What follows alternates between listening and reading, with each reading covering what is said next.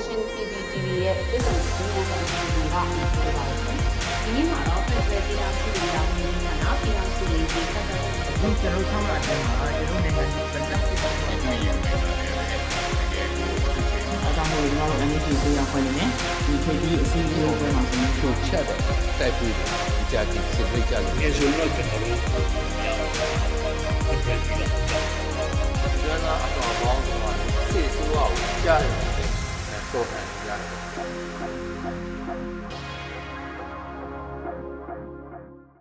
အာဆီယံအထူးကိုယ်စားလှယ်ကမ်ဘောဒီးယားနိုင်ငံဒုတိယဝန်ကြီးချုပ်ပရက်ဆော့ခွန်ဟာမြန်မာနိုင်ငံကိုဒီကနေ့မှရောက်ရှိလာပါတယ်။မြန်မာနိုင်ငံအတွင်းအကြမ်းဖက်မှုတွေလျှော့ချပြီးနိုင်ငံရေးပြိပခပြည်လဲစီရေးကြိုးပမ်းဖို့အခုလို၃ရက်ကြာခီးစဉ်ကိုလာရောက်တာလို့သိရပါတယ်။အာဆီယံအထူးတန်ရဲ့ဒီခီးစဉ်နဲ့ပတ်သက်ပြီးတော့အမျိုးသားညီညွတ်ရေးအစိုးရအာဆီယံတန်မကြီးဥပိုလာတင်ကိုမေးမြန်းသွားမှာပါ။ ဆရာမင်္ဂလာပါရှင်ဟုတ်ကဲ့ပထမအဆုံးအနေနဲ့သိချင်တာကဒီအမျိုးသားညီညွတ်ရေးအစိုးရရဲ့အာဆီယံတန်အမတ်အနေနဲ့ပေါ့နော်အခုအာဆီယံအထူးတန်ရဲ့မြန်မာနိုင်ငံခီးစဉ်ပေါ်ကိုဆရာရဲ့သဘောထားလေးသိချင်ပါတယ်ဆရာဟုတ်ကဲ့ဒီခီးစဉ်ကတော့အခုကျွန်တော်တို့လေ့လာမိတလို့ဆိုခဲ့လို့ရှိရင်ဒီခီးစဉ်ကတစ်ချက်ကတော့ဒီခီးစဉ်မသွားခင်မှာကျွန်တော်အာဆီယံဘုံသဘောတူညီချက်9ရပ်မှာပါတဲ့တွစ်ဆုံတဲ့တွစ်ဆုံတိုက်တဲ့ အဲဖွဲ့စည်းအင်အားစုအလုံးနဲ့တွဲဆုံရမယ်ဆိုတော့အခြေခံပေါ်မှာကျွန်တော်တို့အမျိုးသားညီညွတ်ရေးအစိုးရတို့ကျွန်တော်တို့အမျိုးသားညီညွတ်ရေးအတိုင်းအမြန်ကောင်စီတို့ကျွန်တော်ပြည်တော်စုလို့တော့ကိုစားပြုကော်မတီတို့နဲ့တော့ကြိုတင်ညှိနှိုင်းမှုမရှိတဲ့ခီးစဉ်တစ်ခုဆိုတာတော့ကျွန်တော်တို့အဲရိုးရိုးသားသားပြောရမှာဖြစ်ပါတယ်အဲ့တော့ meeting စီဝေးဆောင်ရွက်သွားမယ်ခီးစဉ်ရဲ့ agenda တွေကိုကျွန်တော်တို့သိရသလောက်ပြောရမယ်ဆိုခဲ့လို့ရှိရင်လည်းပဲ ကျွန်တော်တို့ဒီအာဆီယံအဲဘုံသဘောတူညီချက်မှာပါတဲ့တွဲဆုံဆွေးနွေးမှုအဲဒီလုတ်တဲ့အခါမှာပေါ့နော်တစ်ဖက်သက်ကျွန်တော်တို့ဒီစစ်ကောင်စီရဲ့ဥက္ကဋ္ဌနဲ့အာတွေ့ဆုံနေတို့အဲကျွန်တော်တို့ဒီစစ်ကောင်စီရဲ့နိုင်ငံရေးဝန်ကြီးစစ်ကောင်စီရဲ့နိုင်ငံတကာပူးပေါင်းဆောင်ရွက်ရေးဝန်ကြီးနဲ့တွေ့တယ်တို့နောက်ကျန်တဲ့ဒီ မြို့သားဒီမိုကရေစီဖွဲ့ချုပ်ကခေါင်းဆောင်တချို့နဲ့တွေ့မယ်ဆိုတာမျိုးတွေရှိသလိုကျွန်တော်တို့ဒီအာဆီယံအသင်းရဲ့အထွေထွေတွေ့မှုကိုနိုင်ကလည်း sideline မှာပေါ့နော်ကျွန်တော်တို့ဒီအာဒေါ်တက်တက်ခိုင်နဲ့တွေ့တယ်ဆိုတာမျိုးတွေကိုကျွန်တော်တို့တွေ့ရတဲ့အခါကျတော့ဒီအာဆီယံခေါင်းဆောင်မှုကိုနိုင်ကလက်ရှိဆောင်ရွက်ချက်တွေဟာတစ်ဖက်ဖက်ကိုရင်းနေဆိုတဲ့လက္ခဏာကိုစိုးရင်စရာဖြစ်တယ်လို့ကျွန်တော်တို့မြင်ပါတယ်ခင်ဗျ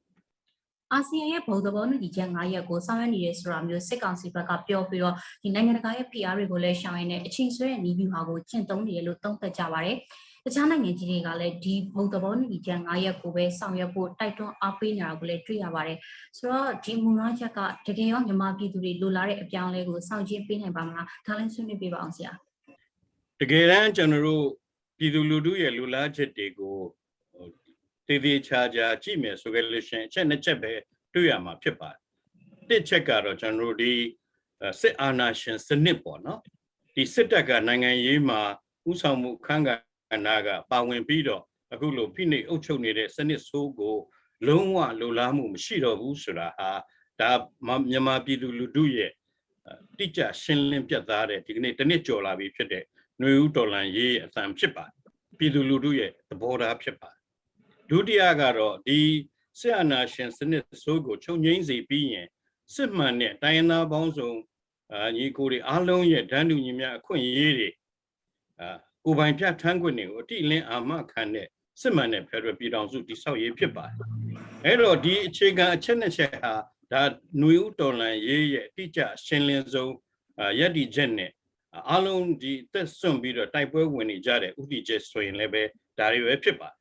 အဲ့တော့ဒီကနေ့အာဆီယံဆောင်ရွက်နေတာကတော့ကျွန်တော်တို့ဒီကျန်းဖက်စစ်ကောင်စီကအာဏာသိမ်းမှုကြိုးပမ်းမှုမတိုင်ခင်ကအခြေအနေကိုပြန်ရောက်အောင်ပဲဝိုင်းပြီးတော့တွန်းအားပေးတဲ့ပုံစံမျိုးတွေ့ရမှာဖြစ်ပါတယ်သူတို့ပြောတဲ့ normal C ပေါ့နော်ဒီပုံမှန်အခြေအနေပြန်ရောက်သွားဖို့ဆိုတာကရင်းနှုန်းကလိုအယက်သားအစိုးရကလည်းပဲအဲ85ချက်သားနဲ့တိုင်းပြည်ကိုအဲအုပ်ချုပ်စစ်တပ်ကလည်းပဲ အဆုံးဖြတ်မဲဖြစ်တဲ့25ရာခိုင်နှုန်းကိုဒီခေါင်ပြားကနေခြေပြားထိအဲကျွန်တော်တို့ယူထားပြီးတော့လှုပ်ချင်တာလှုပ်ဆိုတဲ့ပုံစံမျိုးကိုတဒါပြန်သွားဖို့ကြိုးပမ်းမှုဖြစ်တဲ့အတွက်ဒီအာဆီယံဘုံသဘောတူညီချက်9ရပ်အနေနဲ့ကောဒါကိုဝိုင်းဝန်းထောက်ခံအားပေးနေတဲ့အဲနိုင်ငံတကာမိသားစုကိုကောအခုတစ်နှစ်ကျော်ကြာလာပြီးတဲ့အခါမှာကျွန်တော်တို့ပြောနေကြတာကတော့ကျွန်တော်တို့ဟာဒီ အာဆီယံအသင်းဖွဲ့တစ်ခုလုံးအနေနဲ့တော့၎င်းကိုဒေတာအတွင်းမှာရှိကြတဲ့တိုင်းပြည်များနဲ့တော့၎င်းပူးပေါင်းဆောင်ရွက်ဖို့ကျွန်တော်တို့တိုင်းပြည်ရဲ့ပြည်သူလူထုလိုလားတဲ့လိုလားချက်တွေဖြစ်ပေါ်ဖို့ဆိုရင်ပူးပေါင်းဆောင်ရွက်ဖို့အစဉ်သင့်ဖြစ်ပေမဲ့လို့ဒီအာဆီယံရဲ့ဘုံသဘောတူညီချက်9ရပ်ဟာတော့ဖြင့်မြန်မာပြည်သူတွေလိုလားနေတဲ့ဒီကနေ့နယူးဒေါ်လာရဲ့တောင်းဆိုချက်တွေကိုဖြည့်ဆည်းပေးနိုင်မဲ့အဲအစီအစဉ်တွေမဟုတ်တာကိုတော့ အာဒီတစ်နှစ်ကျော်ကာလကတက်တည်ပြပြီးဖြစ်တဲ့အတွက်ဒီဘုံသဘောတူညီချက်9ရပ်ကို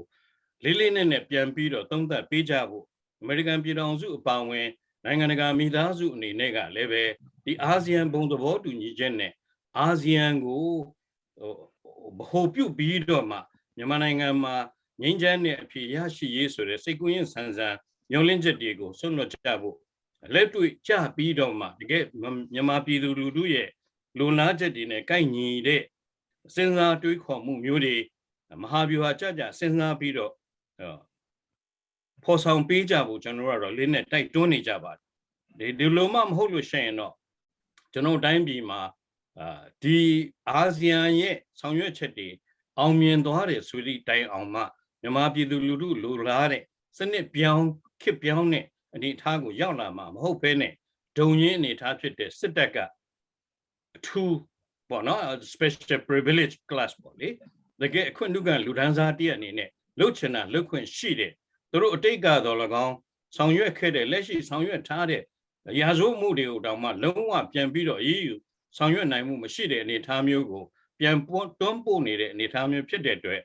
မူအားဖြင့်ကျွန်တော်တို့ဟာအာဆီယံရဲ့ကြိုးပမ်းအားထုတ်မှုနိုင်ငံတကာရဲ့အပြုသဘောဆောင်တဲ့လူလားချက်တွေကိုလေးစားပေမဲ့လို့ တကယ်လက်တွေ့ကြကြမှာပြောရမယ်ဆိုရင်တော့ဒီဘုံသဘောတူညီချက်900ဟာကျွန်တော်ပြည်သူလူထုလူလားတဲ့ကျွန်တော်စစ်မှန်တဲ့ Federal ပြည်ထောင်စုတည်ဆောက်နိုင်ဖို့အခွင့်အလမ်းနေစစ်အာဏာရှင်စနစ်ဆိုချုပ်ငြိမ်းသွားဖို့ဆိုတာတွေကိုတော့ဓာတ်ရိုက်အကျိုးသက်ရောက်မှုလုံးဝမရှိဘူးလို့ကျွန်တော်ပြောကြရမှာဖြစ်ပါတယ်ခင်ဗျ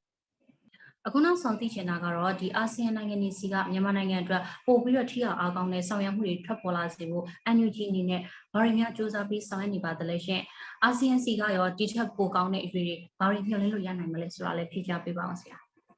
ကျွန်တော်တို့အာဆီယံခေါင်းဆောင်မှုကိုချင်းကပ်တဲ့အခါမှာအရင်ကလည်းကျွန်တော်ပြောခုပါတယ်အာဆီယံအသင်းအနေနဲ့ပေါ့နော်အသင်းတစ်ခုလုံးရဲ့ခေါင်းဆောင်မှုအနေနဲ့ကတော့ပြုသဘောဆောင်တဲ့တုံ့ပြန်ချက်တစ်စုံတရာအခုချိန်ထိ ကျွန်တော်တို့ဘက်မှာမရရှိသေးပါဘူးသို့တော့ဒီအာဆီယံထဲမှာကျွန်တော်တို့ပြည်သူလူထုရဲ့နယူးဒေါ်လာရေးဘက်ကနေရပ်တည်ပြီးတော့မှန်မှန်ကန်ကန်ပြောဆိုဆောင်ရွက်နေကြတဲ့နိုင်ငံတွေသူပြင်အင်ဒိုနီးရှားစင်ကာပူမလေးရှားဖိလစ်ပင်းဘရူနိုင်းစရှိတဲ့ဒီလိုမိတ်ဆွေနိုင်ငံတွေလည်းပဲရှိပါတယ်အဲ့လိုတနိုင်ငံချင်းအနေကနေပဲကျွန်တော်တို့ကအာဆီယံအသင်းတစ်ခုလုံးရဲ့ဂုဏ်သိက္ခာနဲ့လုံးတင်လုံးထိုက်တဲ့ကိစ္စတွေသူသဖြင့်တော့ကျွန်တော်တို့ဥမာ အရေးကြီးလိုအပ်နေတဲ့လူသားချင်းစာနာထောက်ထားမှုဆိုင်ရာအကူအညီတွေကျွန်တော် COVID-19 နဲ့ပတ်သက်လို့ကာကွယ်ရေးနဲ့ကုသရေးဆိုင်ရာအကူအညီတွေကိုလက်တွေ့ကြကြထိထိရောက်ဖြန့်ဖြူးပေးနိုင်ဖို့ဆိုခဲ့လို့ရှိရင်အာဆီယံတစ်ခုတည်းနဲ့တော့မလုံလောက်ဘူးအဲဒီအာဆီယံနဲ့သူ့ရဲ့ dialogue partner တွေလို့ပြောတဲ့နိုင်ငံတကာစကားပြောပဲမဟာမိတ်နိုင်ငံတွေကုလသမဂ္ဂ agency တွေသုံးပွင့်ဆိုင်ပူးပေါင်းဆောင်ရွက်တဲ့နီးနာမျိုးသားလည်းပို့ပြီးတော့ လက်တွေ့ကြကြအကောင့်ထဲပေါ်ဆောင်ရွက်နိုင်မယ်ဒါကြောင့်မို့အဲ့ဓာတွေကိုအာဆီယံကိုနိုင်ကဥဆောင်ပြီးတော့ပဲဖြစ်စေနိုင်ငံတကာမိသားစုဘက်ကဥဆောင်ပြီးတော့ဖြစ်စေသူသဖြင့်ကျွန်တော်တို့အခုရွှေ့ဆိုင်သွားတဲ့အမေရိကန်ပြည်ထောင်စုနဲ့အာဆီယံထိပ်သီးခေါင်းဆောင်စည်းဝေးတွေမှာဆိုလို့ရှိရင်ဒီလိုကိစ္စတွေကိုပြန်ပြီးတော့လေးလေးနက်နက်စဉ်းစားပေးဖို့ကျွန်တော်တိုက်တွန်းတောင်းဆိုနေတာတွေရှိပါတယ်အာဆီယံခေါင်းဆောင်မှုတွေကခုနရင်းနှီးတဲ့တိုင်းပြည်တွေနဲ့လည်းပဲကျွန်တော်တို့ကပုံမှန်လင်းလင်းဆွေးနွေးနေကြပါတယ်ဒီကိစ္စတွေဟာ ဒါလူသားချင်းစာနာထောက်ထားမှုဆိုင်ရာကိစ္စနဲ့ပတ်သက်ပြီးတော့ဖြစ်ပါဒုတိယဘိုင်းကတော့ကျွန်တော်တို့မြန်မာနိုင်ငံရဲ့နိုင်ငံရေးပြိပက္ခကိုမှန်ကန်ကန်နားလည်နိုင်ဖို့ဆိုလို့ရှိရင်အာဆီယံခေါင်းဆောင်မှုဟာ NUCC လို့ကျွန်တော်တို့ဒီဘက်ပေါင်းစုံကကဏ္ဍပေါင်းစုံကကိုယ်စားလှယ်တွေခေါင်းဆောင်တွေပါဝင်တဲ့ညညွေတိုင်ပင်ခံကောင်စီတို့ကျွန်တော်တို့ပြည်တော်စုလွတ်တော်ကိုစားပြုကော်မတီနဲ့တည် တည်ချာချာအဲ့ဒီလိုနားထောင်ပြီးမှသာလျှင်အာဆီယံဂုဏ်သိက္ခာရှစ်ရှိနဲ့ဘယ်သူဘက်မှမလိုက်ဖဲနဲ့မှန်မှန်ကန်ကန်ကိုတက်နိုင်တာကိုဆောင်ရွက်ပေးနိုင်လိမ့်မယ်ဒီလိုမှမဟုတ်ရင်တော့တစ်ဖက်ကိုပဲစစ်အာဏာရှင်တွေနဲ့ပဲပူးပေါင်းဆောင်ရွက်ခြင်းအပြင်အပြည့်မှန်ရရှိနိုင်နေဆိုတဲ့သဘောထားနဲ့အတ္တိချက်ကိုကင်ဆွဲထားသေးရတော့အာဆီယံဟာဘယ်လိုနည်းနဲ့မှအဲဒီမြန်မာနိုင်ငံရဲ့အရေးကိုကူညီဖြည့်ရှင်းပေးနိုင်မှာမဟုတ်ဘူးဆိုတာတော့ကျွန်တော်တို့ပုံမှန်လင်းလင်းပဲတိုက်တွန်းပြောကြားနေသလို alternative အနေနဲ့ပေါ့နော်ကျွန်တော်တို့ဒီဟိုကလူသားချင်းစာနာထောက်ထားမှုဆိုခဲ့လို့ရှိရင်လည်းအဲ့ဒီလိုသုံးဝင်ဆိုင်ရန်တရားပေါ့ mechanism တွေကိုပေါ်ဆောင်ပြီးတော့ဆောင်ရွက်ပေးဖို့အာလူအချိန်ကြာဖို့အချိန်ကြာဖို့ရှိတယ်ဆိုရင်တော့မှဒီ cross border humanitarian assistance ပေါ့နော်ကျွန်တော်တို့ဒီနေဆက်ဒေသတွေကိုဖြတ်ကျော်ပြီးတော့တကယ်စစ်ပေးဆောင်ဒုက္ခသည်တွေဒီတိုင်းသားညာစုတွေထိမ့်ချုပ်ထားတဲ့နေမြေဒေသမှာရှိနေတဲ့ကျွန်တော်ဒုက္ခသည်ကို အဲ့တော့ကျွန်တော်ဥစ္စာပါဒီဒါလူသားချင်းစာနာထောက်ထားမှုဆိုင်ရာကိစ္စတွေပေါ့နော်အဲ့တော့ပြန်ပြီးတော့ကျွန်တော်တို့ဒီ alternative အနေနဲ့လည်းပဲဟိုတခြားထိရောက်နိုင်တဲ့နီလန်ပေါ့နော်အဲ့ဒီနီလန်နေနဲ့လည်းပဲ cross border humanitarian assistance ပေါ့နော်ကျွန်တော်ကနေဆက်ဒေသတွေဖြတ်ကျော်ပြီးတော့တိုက်ရိုက်ကျွန်တော်တို့ဒီဆေးဘေးရှောင်ဒုက္ခသည်တွေအထူးသဖြင့်တော့တိုင်းရင်းသားဒေသတွေရဲ့စိုးမိုးထားတဲ့နေမြေတွေမှာရောက်ရှိနေတဲ့ဆေးဘေးရှောင်ဒုက္ခ သည်တွေနဲ့ဒုက္ခရောက်နေကြတဲ့အာအဲထိုင်းနိုင်ငံအတွင်းအိန္ဒိယနိုင်ငံအတွင်းမှာရှိနေတဲ့ဒုက္ခသည်တွေကိစ္စမျိုးကိုဒီလိုနေဆက်ဒေသဖြန့်ကျော်ပြီးတော့ပေးတဲ့အကူအညီမျိုးကိုလည်းပဲကျွန်တော်တို့ဒါ alternative အနေနဲ့ဒီပိုထိရောက်နိုင်တဲ့လက်တွေ့ကြတဲ့နီလန်တစ်ခုအနေနဲ့လေးနဲ့ထားစဉ်းစားပေးကြဖို့လေကျွန်တော်တို့တိုက်တွန်းနေတာမျိုးတွေရှိပါတယ်ခင်ဗျသို့တော်လည်းပဲအခုချိန်ထိတော့အာဒီကျွန်တော်တို့တိုင်းပြည်ရဲ့အရင်တုန်းကလိုပဲပြန်ပြောရင်တော့ ကျွန်တော်ဟို geopolitical conditions ပေါ့လေကျွန်တော်တို့ဒီနိုင်ငံရေးပထူဝင်နေထားရတရုတ်နိုင်ငံတို့အိန္ဒိယနိုင်ငံတို့စရှိတဲ့အာဆီယံအသင်းတို့ဒီလိုအင်အားကြီးတဲ့ဒေသအတွင်းနိုင်ငံတွေနဲ့အသင်းအဖွဲ့တွေကိုဆန့်ကျင်ပြီးတော့ဆောင်ရွက်ရမယ့်ကိစ္စမျိုးတွေကိုနိုင်ငံတကာမိသားစုတွေကလည်းပဲအခုချိန်ထိတော့ပြက်ပြက်သားသားမဆုံးဖြတ်နိုင်သေးတဲ့နေသားမှာရှိတဲ့အတွက်ကျွန်တော်တို့လှူရှားမှုကတော့ຢာတွေကိုနားလည်ခြင်းအပြင်ကိုယ် အားကိုပဲကိုပို့ပြီးတော့ကြစ်လက်ခိုင်မအောင်ဆောင်ရွက်သွားကြဖို့လည်းတစ်ဖက်မှာတိုက်တွန်းနေတာပါတယ်ဗျ